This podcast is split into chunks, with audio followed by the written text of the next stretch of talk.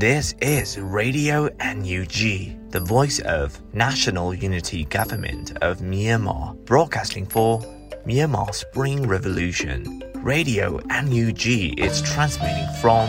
shortwave 16 meter 17.79 megahertz at 8:30 a.m. and 25 meter 11.94 megahertz at 8:30 p.m. Myanmar Standard Time. မင်္ဂလာပါခင်ဗျာ အမျိုးသားညီညွတ်ရေးအစိုးရရဲ့အတန်လွင့်ဌာန Radio NUG ကိုမနက်ပိုင်း၈နာရီခွဲမှာလိုင်းတို16မီတာစက္ကန့်တက်သမ9 MHz ညပိုင်း၈နာရီခွဲမှာလိုင်းတို25မီတာ17တက်သမ6 MHz တို့မှာဓာတ်ရိုက်ဖမ်းယူနိုင်နိုင်ပါပြီမင်္ဂလာအပေါင်းနဲ့ပြည့်စုံကြပါစေအခုချိန်ကစပြီး Radio NUG အစီအစဉ်တွေကိုဓာတ်ရိုက်အတန်မြင့်ပေးနေပါပြီ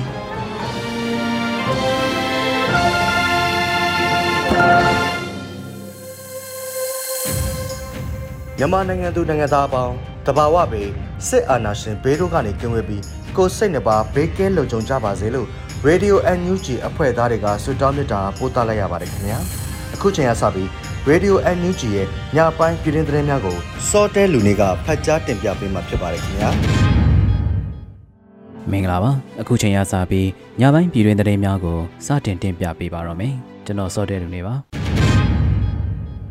ပထမအဦးဆုံးအနေနဲ့အမျိုးသားဒီမိုကရေစီဖွဲ့ချုပ်က၄ဦးကိုထုတ်ပယ်ရတဲ့အကြောင်းရင်းမှာမူဝါဒရေးရာကိစ္စမဟုတ်ဘဲပါတီရဲ့စီကံထိန်းသိမ်းရေးကိစ္စသာဖြစ်တယ်လို့ NLD ပါတီရဲ့ဗဟိုကော်မတီဝင်ဦးအောင်ကြည်ညွတ်ထုတ်ဖော်ပြောကြားလိုက်တဲ့သတင်းပဲဖြစ်ပါတယ်။အမျိုးသားဒီမိုကရေစီအဖွဲ့ချုပ်က၄ဦးကိုထုတ်ပယ်ရတဲ့အကြောင်းရင်းနဲ့ပတ်သက်ပြီးမက်လအတွင်း RFA သတင်းဌာနကို NLD ပါတီရဲ့ဗဟိုကော်မတီဝင်ဦးအောင်ကြည်ညွတ်ကအခုလိုပြောကြားခဲ့ပါတယ်။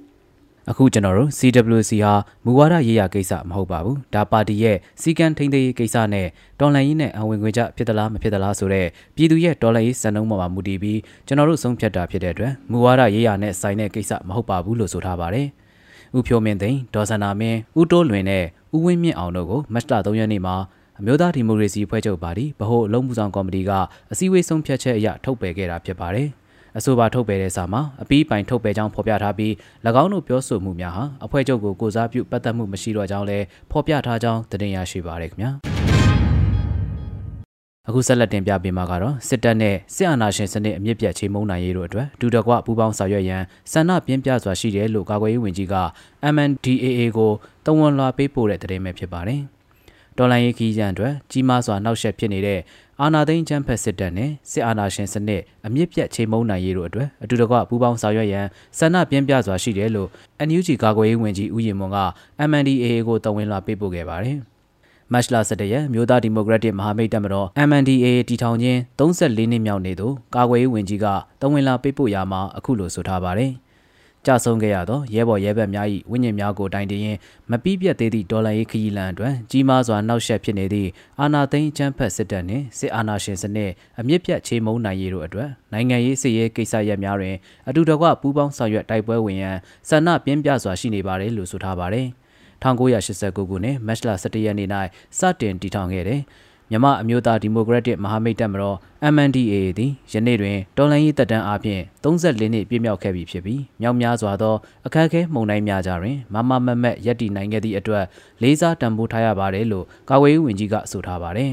။ဒါအပြင်မြန်မာမျိုးသားဒီမိုကရက်တစ်မဟာမိတ်တပ်မတော် MNDAA ၏ဖြတ်သန်းခဲ့သော34နှစ်တာကာလအတွင်းကိုကန့်ဒေတာနှင့် ကိုကန့်လူတို့အတွက်အသက်ပေးလူသွားခဲ့ကြသည့်မိတ်ဆွေရဲဘော်ရဲဘက်များနှင့်၎င်းတို့၏ဂုံရောင်ပြောင်စွာကြိုးပမ်းဆောင်ရွက်ခဲ့မှုများကိုဂုံပြုဥညွတ်အပ်ပါတယ်လို့တဝင်လွှာမှာဖော်ပြပါရှိကြောင်းသတင်းရရှိပါရခင်ဗျာ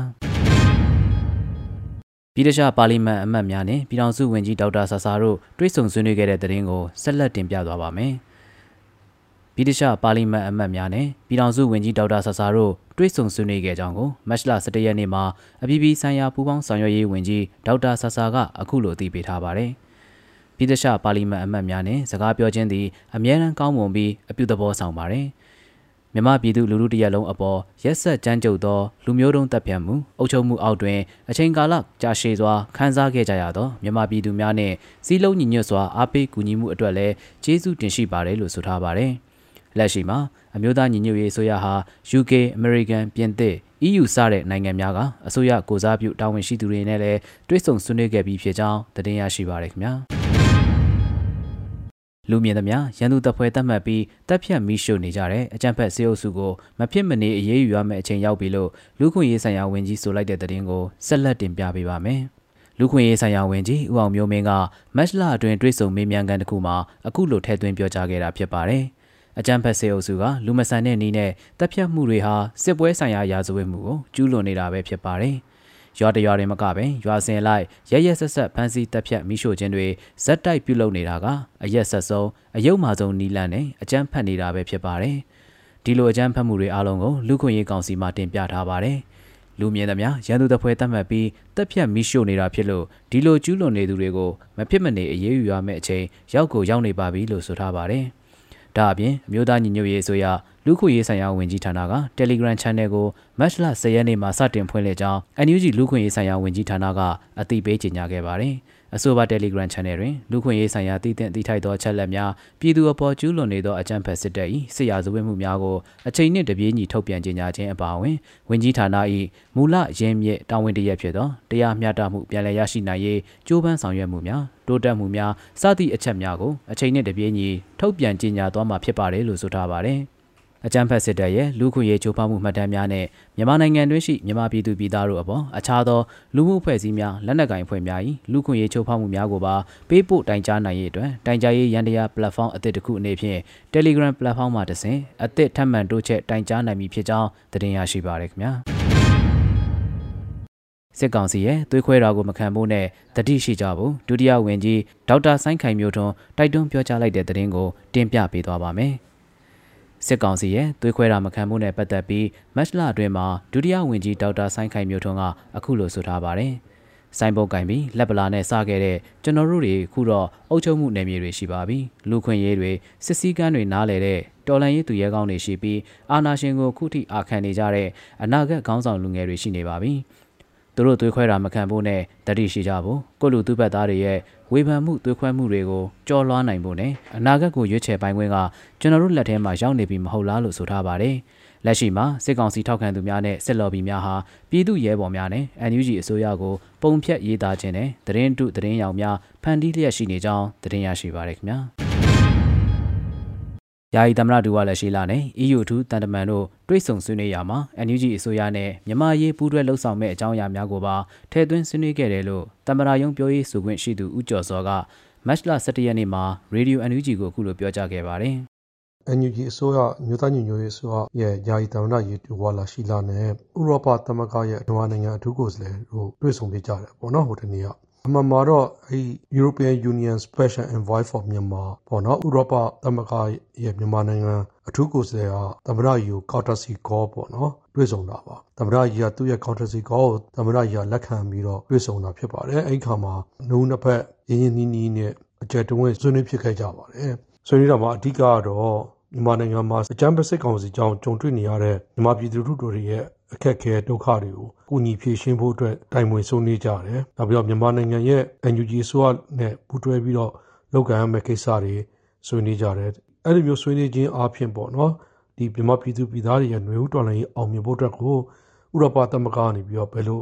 ကူညီပေးနိုင်မလဲဆိုတဲ့လမ်းကြောင်းတွေလည်းဆွေးနွေးခဲ့ကြပါတယ်။ဒါကြောင့်ဒီဆွေးနွေးပွဲဆိုရင်အပြုသဘောဆောင်ပြီးတော့တိုးတက်တဲ့ဆွေးနွေးပွဲပေါ့နော်။ ဒီလိုမျိုးသမ္မတကြီးကို countercy call နဲ့လာတွေ့တယ်ဆိုတော့လဲကျွန်တော်တို့မြန်မာနိုင်ငံမြို့သားညီညွတ်ရေးအစိုးရအဖွဲ့ရဲ့ယာယီသမ္မတကြီးကိုကာရဝပြုတွေ့ဆုံဆွေးနွေးတဲ့ဟာဖြစ်ပါတယ်အဲ့လိုပဲနိုင်ငံတကာမှာလည်းကျွန်တော်တို့အစိုးရနဲ့တရားဝင်ထိတွေ့ဆွေးနွေးနေတာတွေနိုင်ငံတကာစာမျက်နှာမှာပုံပုံများပြားလာတာကိုလည်းတွေ့ရှိနေရမှာဖြစ်ပါတယ်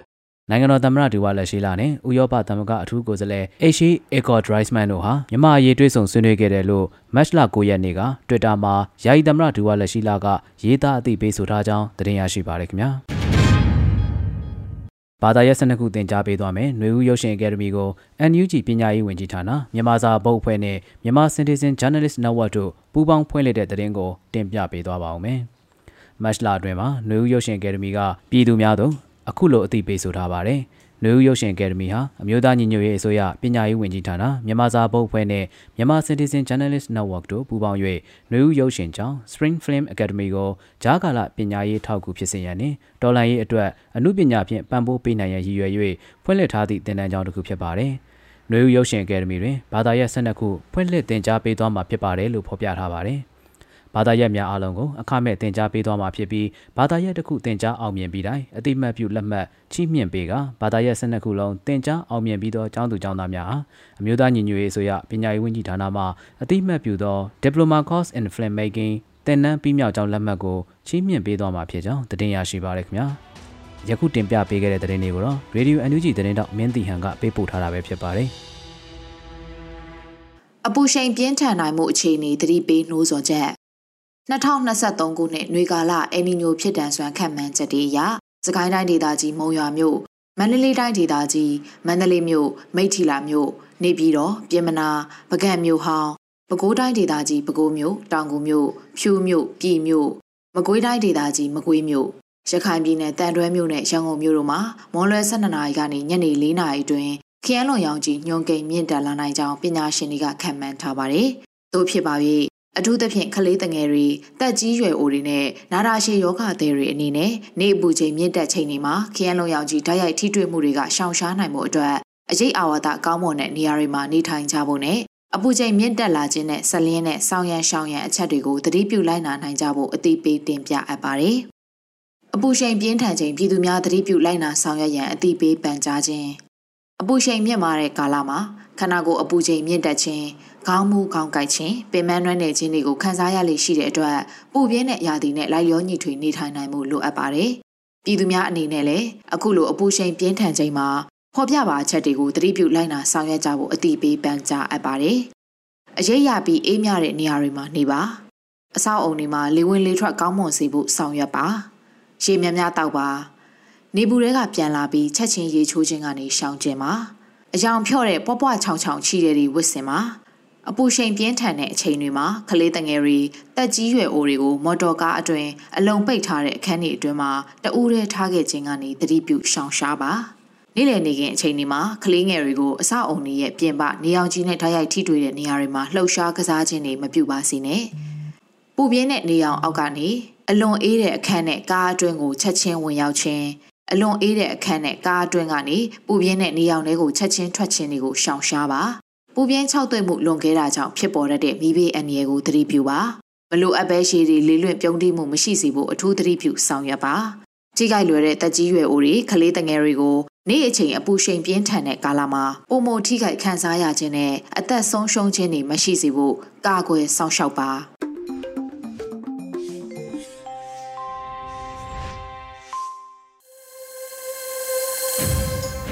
ပြည်တွင်းသတင်းတွေကိုနားဆင်ခဲ့ကြရတာဖြစ်ပါတယ်ခင်ဗျာအခုဆက်လက်ပြီးတော်လန်ရေးကြပြအစီအစဉ်မှာတော့ပြည်ရေးဆက်ထားတဲ့2021တော်လန်ရေးလို့အမည်ရတဲ့ကြပြကိုခါရှက်ကဖတ်ကြားတင်ဆက်ပေးထားပါတယ်ခင်ဗျာ2021တော်လန်ရေးຫນွေဦးရက်တွင်ပေတရာထဲညင်ညာဖြတ်ဖြတ်ချီလာကြသည့်အမြောက်အများလူအင်အားသည်တော်လန်ရေးဤပုံရိပ်လွာ တဖန်စင်ကဲရင်းရင်ရဲစွာဖီဆန်ကြသည် အာနာရှင်အားပြည်သူများကငြိမ်းချမ်းအာခံလှုပ်ရှားမှုညဦးချိန်ကြအမောင်ခ၍တောထုတ်ကြတဲ့ဘဝညံသည်မိစ္ဆာနှင့်သည့်အတန်သည်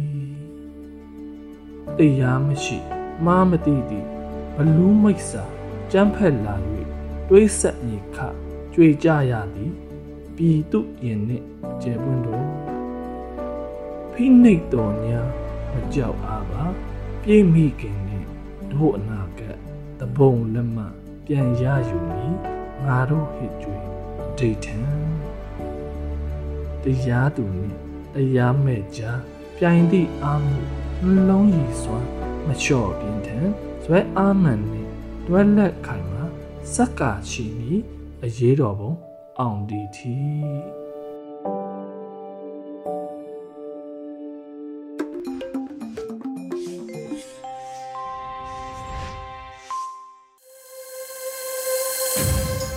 Radio NUG မှာဆက်လက်အသံလွှင့်နေပါတယ်။အခုတစ်ခါမိုးမခစောင်းပါအစီအစဉ်မှာတော့လူသက်လိုင်စင်ရထားတဲ့စစ်ကောင်စီ၏လက်နက်ကင်များလို့အမည်ရတဲ့မြန်မာနွေဦးခရိုနီကယ် မတ်လ30မြင်ကွင်းဆောင်းပါးကိုຫນွေဦးမွန်ကဖတ်ကြားတင်ဆက်ပေးမှာဖြစ်ပါတယ်ခင်ဗျာ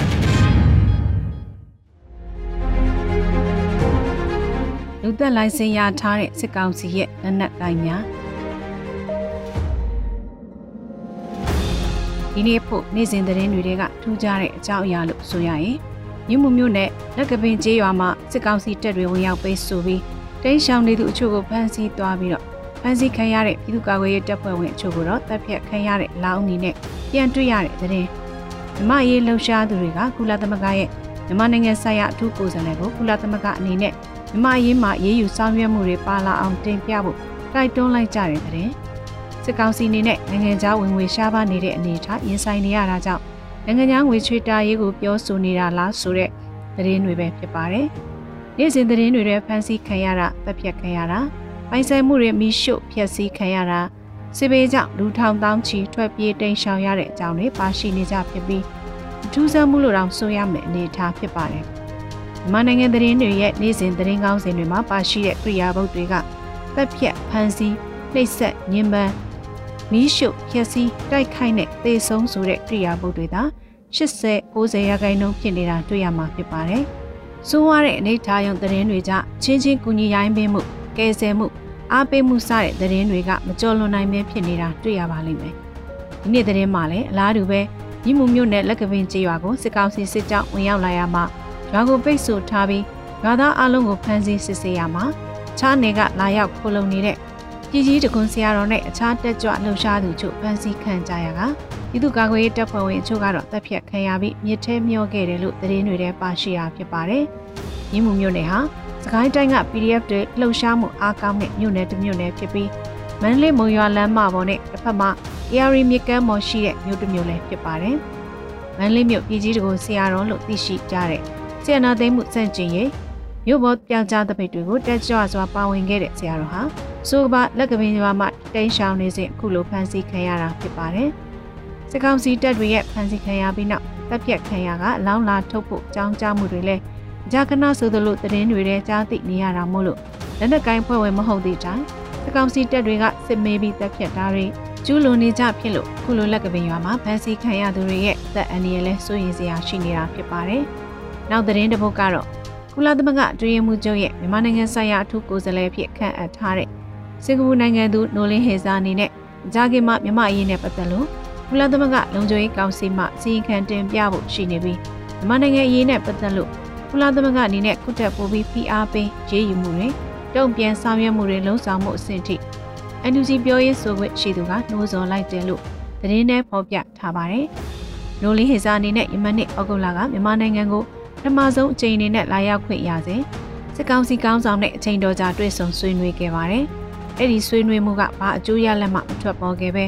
ခီးစဉ်ပြီးကုလကိုယ်စားလှယ်ထုတ်ပြန်တဲ့ထုတ်ပြန်ချက်ကိုစစ်ကောင်စီဘက်ကမကျေနပ်တာကြောင့် ဆွေးနွေးပွဲမှာပြောဆိုမှုအသေးစိတ်ကိုထုတ်ပြန်ခဲ့ပူပါတယ်။အဲ့နောက်ပိုင်းစစ်ကောင်စီအနေနဲ့ကုလအတွင်းမှုချုပ်ရဲ့ထူးကိုယ်စားလှယ်နဲ့ထပ်မံတွေ့ဆုံခြင်းမရှိတော့သလိုကိုယ်စားလှယ်အနေနဲ့လည်းမြန်မာနိုင်ငံတွင်းကိုလာရောက်ခွင့်လည်းမရတော့တဲ့သဘောဖြစ်ပါတယ်။ကုလကိုယ်စားလှယ်အနေနဲ့လုံခြုံရေးကောင်စီမှမြန်မာအရေးနဲ့ပတ်သက်လို့ဘာတွေဆက်လက်လှုံ့ဆော်ပေးနိုင်မလဲလို့မေးမြန်းခဲ့ရင်တိတိကျကျအဖြေပေးဖို့ခက်ခဲကောင်းခက်ခဲမှာဖြစ်ပါတယ်။ယခင်နှစ်ကုန်ပိုင်းကထုတ်ပြန်ခဲ့တဲ့လုံခြုံရေးကောင်စီရဲ့ဆုံးဖြတ်ချက်အရ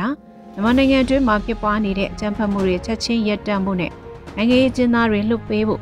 ဆိုပါဆုံးဖြတ်ချက်များပါရှိပေမဲ့ဘယ်ချိန်ကာလအတွင်းလှုပ်ဆောင်ရမလဲမလှုပ်ဆောင်ခဲ့ရင်မြန်မာနိုင်ငံအပေါ်ဘယ်လိုအရေးယူမလဲဆိုတာတွေမပါရှိတာကြောင့်ဒီလုံခြုံရေးကောင်စီဆုံးဖြတ်ချက်ကကြီးကြီးမားမားသက်ရောက်မှုမရှိသေးတာတွေ့ရမှာဖြစ်ပါတယ်။ကဲ၍အဲ့ဒီလိုအချိန်ကန့်သက်ချက်ရေးယူဆောင်ရွက်ချက်မျိုးကိုကုလသမဂ္ဂအနေနဲ့ထည့်သွင်းကအကောင့်ချဲဖော်နိုင်တဲ့အာဏာစက်ရှိမရှိဆိုတာလဲမေးခွန်းတစ်ခုဖြစ်ကောင်းဖြစ်ပါလိမ့်မယ်။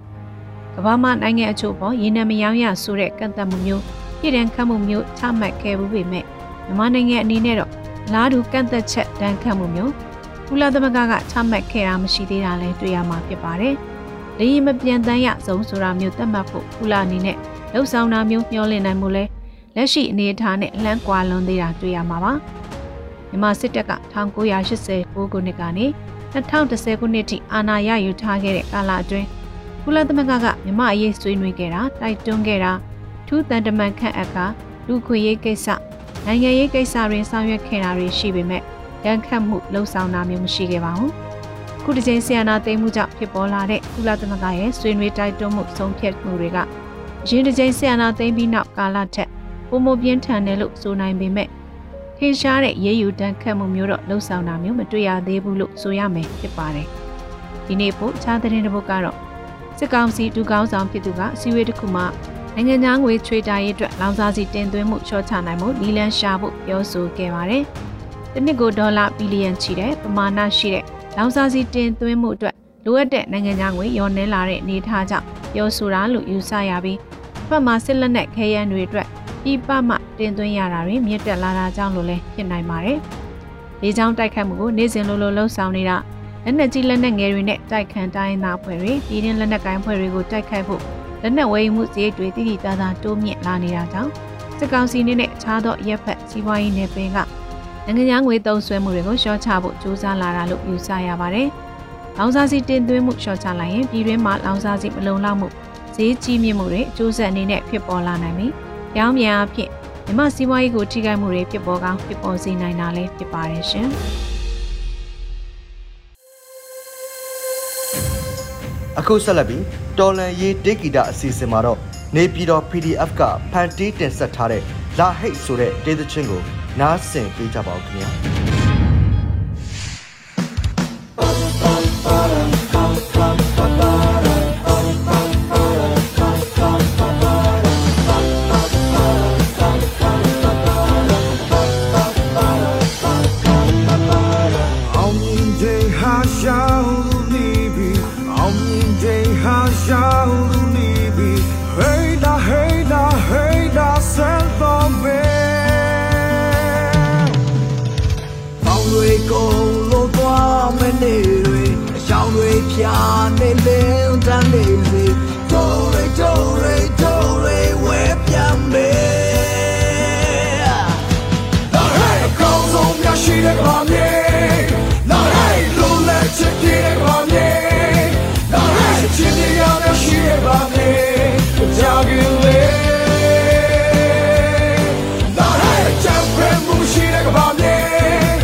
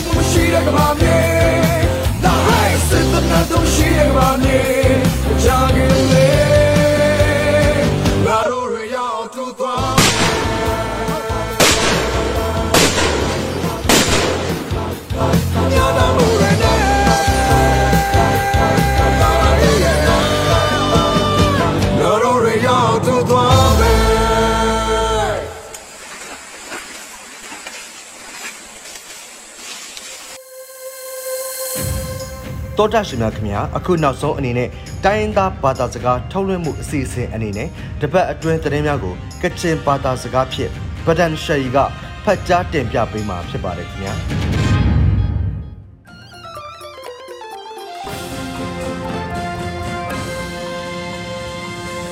စစောရိုင်ကျရဝန်ပေါ်အမျိုးရှာနေရောဝေပြောခမ်းချန်ငါမြကလောရေဒီယို NUG အပမီလမန်ပြလိုက်ဝါဆိုင်ဖောင်စတုံရှိကနေဖဲငိုင်ပဒန်ရှိကောနာထွန်ရှလိုက်ရမှာဝါစနာရေ ရာရှောင်းနန်ကူနာပုံကားနေရပြမစာကိုဘလူဝဲလမ်တဲ့ပါကာနာနင်ခပ်ရမလန်နယ်လမ်နီကိုမြန်မာဒါဒိုင်တာဂရောက်ဆမ်ငိုင်ငါနာကန်ကွမ်ဆမ်ကမ်ဒူဝါလရှိလာဆွနေရှိကပဲတာမတွညာနာရေမတ်တာပရော့ကိုရရှိနေတာအန်ယူဂျီအစိုးရကန်ကွမ်ဆမ်ကမ်ဒူဝါလရှိလာကောနာနှင်ငါမုံရွှာနေဖန်တဲ့ကာကွန်ပါရှကွန်တိုင်ရေဘုံကားနေရပြမစာကိုဘလူဝဲလမ်တဲ့ပါကာနာနင်ခပ်ရမလန်နယ်လမ်နီကိုမြန်မာဒါဒိုင်တာဂရောက်ဆမ်ငိုင်ဖဲမုံလူဝဲရေဒိုင်ဇော့နင်ခပ်လူနာမတူ အရောင်းမုံဂရိုက်ကပိုင်ငွဲ့ပဲမလပ်နာမတူအခက်ကိုင်ငါနာစွန်တိုင်ရေမတွနာဒူဝါလရှိလာတဲ့ဥရောပလက်ဆန်တက်ဆာနီခရမ်ဆပ်ပေါင်ပန်လူဝါဆိုင်ငါနာမိုမတ်တာပရော့ကိုရရှိနေတာတွင်တန်စာတာဒူဝါလရှိလာမရတွန်တိုင်ရေဒိုင်ဇွန် EU စုံစမ်းစလန်ကပါနေတဲ့ခရမ်ဆပ်ပိုက်တာမြန်မုံရှာနေဖဲဂရိုမတိရှ်တော်နာမတူချခုပလာလူဝါဆိုင်ငါနာမိုစွန်တန်ငိုင်ရေ EU တဲ့ ground နိထက်ပဲခုဂျွန်ပေါင်းလူနာလံဖဲမိုမြင့်တာငိုင်ငါနာကန်ကွမ်ဆမ်ကမတွစွန်တန်တိုင်လံကျေလူကအိုင်မတွနာမုံဖောင်ရပ်တော့ကောမလိုက်ကော်မတီနေပေါ်ဥအောင်ကြည်ညွန့်တဲ့အမေရိကန်မိုက်ကန်ဖာကြီးကျော်စလန်နေခရမ်စပိုင်ရှိကပဲတာမတွညာနာရယ်မုံဖောင်ရပ်တော့ကောမလိုက်ကော်မတီနေပေါ်ဥအောင်ကြည်ညွန့်တဲ့ခရမ်ဆုပ်လဲဝါဆိုင်လံဖဲမတ်တာပရော့ချ်ကိုရရှိနေတာအမေရိကန်မိုက်ကန်ဖာကြီးကျော်စလန်ကိုရှီယာတွင်တန်စာထကင်မရာဒိုင်ရယ် မုံဖောင်ရပ်တော့ကောမလိုက်ကော်မတီနေပေါ်ဥအောင်ကြည်ညွန့်တဲ့ခရမ်ဆုပ်နာမြန်မုံဒနာဒီမိုကရေစီရှမှုရှ်ပေါ့ငိုင်လမ်နေတဲ့ဘာမာအက်ဥပဒေဖဲခရန့်ပရိုလူခရာဘုံပန်လှဲဝါဆိုင်ငါနာကာမရာတွန်တိုင်ရယ်လဲဝါဆိုင်စတာထမအမေရိကန်မိုက်ကလမ်နှင်းတောက်ခရင်မောင်ဝင်တီရှာမန်တီအန်ယူဂျီမိုက်ကလမ်ခရင်မောင်ဒေါ်စမအောင်နီကထပ်ခုံစုလူဝါဆိုင်လမ်ကျေလူကအိုင်မတွနာရမလမြဖဲအင်ရှမ်ကောင်းနာမတူရှင်ကင်အခေါ်ခန်းခရင်မောင်ဝါရှတုတဲရှိကဖဲမတွတောင်မတွညာနာရယ် ရမလန်မြစ်ဖက်အီရှမ်ကောင်းနာမတူရှင်ကင်အခေါ်ခေါခရင်မဥအောင်မျိုးမင်းကိုမတ်တာလမန်တာဂလိုလိုင်းဝါဆိုင်ခရမ်ဆပ်စန်ထိုင်လမန်ငိုင်တာစွန်တန်တိုင်းရယ်ကွန်ရှန်မြန်ဖြန်တပ်နေတော့လိုက်ငါအိုင်မရှာဆတ်မရေဝန်နတ်အိုင်ဇွန်ရီအိုင်အင်ခရူအမူနီဖဲရှင်တန်းအရီလာလူနာမတူမိုက်ကမုန်တနီယဂရုံရှင်တောင်းဝိုင်လံဖဲရှာမြန်တာတော့ငါမိုင်ဆိုင်မုံရွှာနီနမရမလန်ဖုန်နီတဲ့လက်တာကင်တွန်းနာကွန်ရှန်မြန်ဖြန်တပ်နေဖဲအရောရမလန်နိုင်လမ်တာရှောင်းလုံးနာမတူဂရိတ်ခက်ငါဆိုင်အကျင်ရယ် မိုက်ကမုန်တနီတင်အောင်ဖဲအင်္ဂရုံလိုင်းကိုမြစ်ထရှာမြစ်ရှုံကောင်းရံကိုဂရောင်းနာဆွမနာမဆာရှာငိုင်ငါနာခရမဝါစွန်တိုင်ရယ်တာတော့အတဲ့မြန်မုန်တန်ဖဲလန်နက်ငဲ့ရိုင်စွန်ရိုင်ဂရမတီစတော့လမ်နိဖဲမိုက်ကမုန်တနီဂရုံငိုင်ရိုင်နာလုံးမလုံးကိုရှင်ကင်နောင်နာဂရုံနင်းတုံလမ်နိရဲလမ်ကျေလူကအိုင် ဖောင်စတမ်ခုနာမြန်ဖြန်တပ်ပါလကျမ်ဘရူဝိုင်ကာစတီနီဖဲမိုက်ကမုန်တန်ရှင်ဝမ်နီမစုမောရှန်ခရုံနမ်တူဂရက်ခက်ကဲငါနာ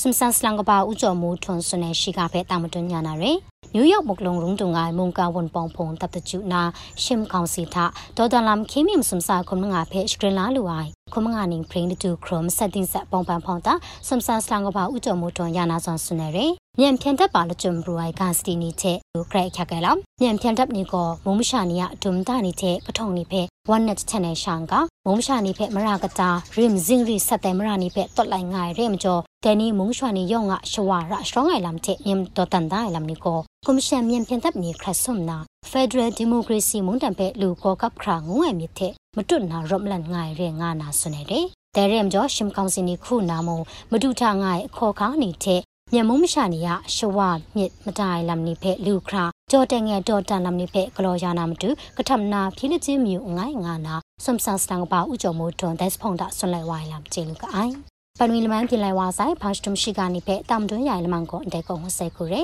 ရေဒီယိုအန်ယူဂျီယာရှိကနေဖဲခပလာမတတိုင်စောရိုင်ဂျီရိုဝန်ပေါ်အမျိုးရှာနေရုံဖဲပရိုက်ဂျီဂျူကပါဆိုင်တော့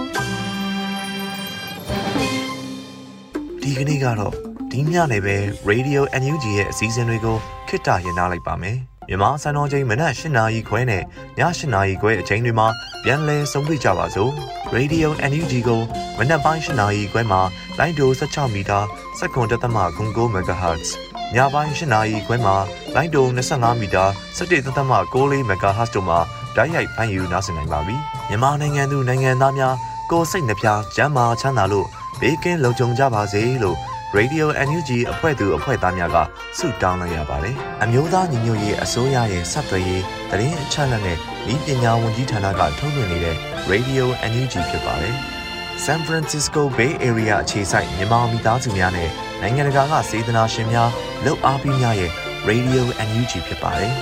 ။အရေးတော်ပုံအောင်ရမည်